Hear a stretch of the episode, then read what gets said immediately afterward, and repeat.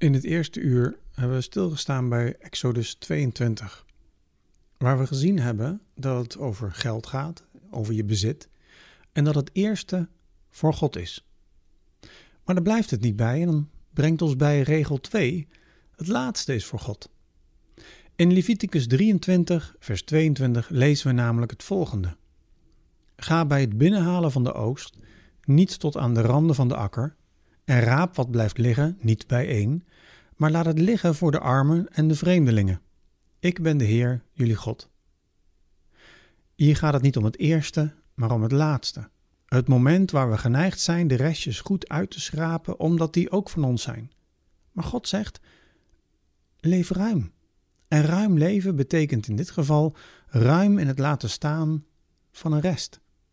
Ruim in het laten liggen van het gemaaide. Ruim leven voor een ander. Een prachtig beeld vind ik dat. Al eerder in Exodus zien we dat, dat ze moeten rusten op de zevende dag, ook de slaaf en het dier.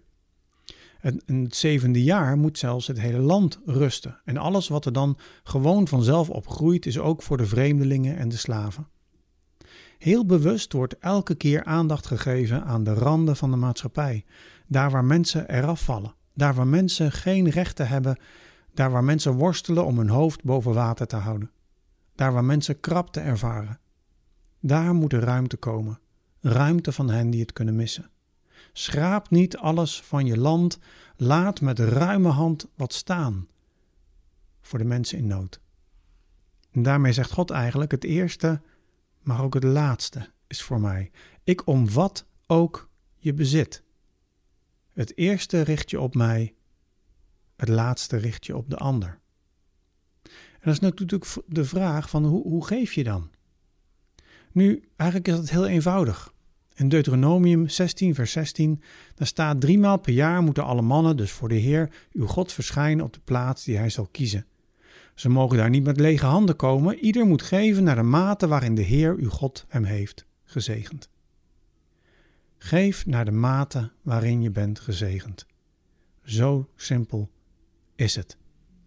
En de vraag is dus niet hoe rijk ben je, maar hoe gezegend ben je. De bekende theoloog Hauer was, moest een keer spreken op de opening van een, van een business school, van een christelijke universiteit.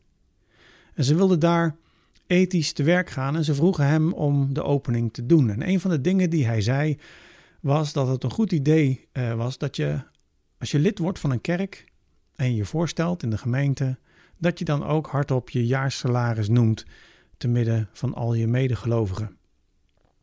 Eigenlijk hardop zeggen hoe gezegend je bent. Nu deze directrice van de school zei: Sorry, maar dat kunnen we niet doen. Want dat is privé. Nu Houwer was, geeft dan een beetje een cynisch antwoord en, en zegt dat Ananias en Safira dood neervielen omdat ze hun opbrengst privé hielden. Nu valt daar natuurlijk wel wat meer over te zeggen. Hij zei logen over de opbrengst. Maar ik denk dat, dat deze Houwer was wel een punt heeft volgen we Jezus ook met ons geld? Staat de mate van zegen die we ervaren in verhouding met hoe we geven? Leven we het koninkrijk van Jezus ook met ons geld? Het eerste is voor God en het laatste is voor God. Wijsheid en vreugde in je geven. Heb een goede dag.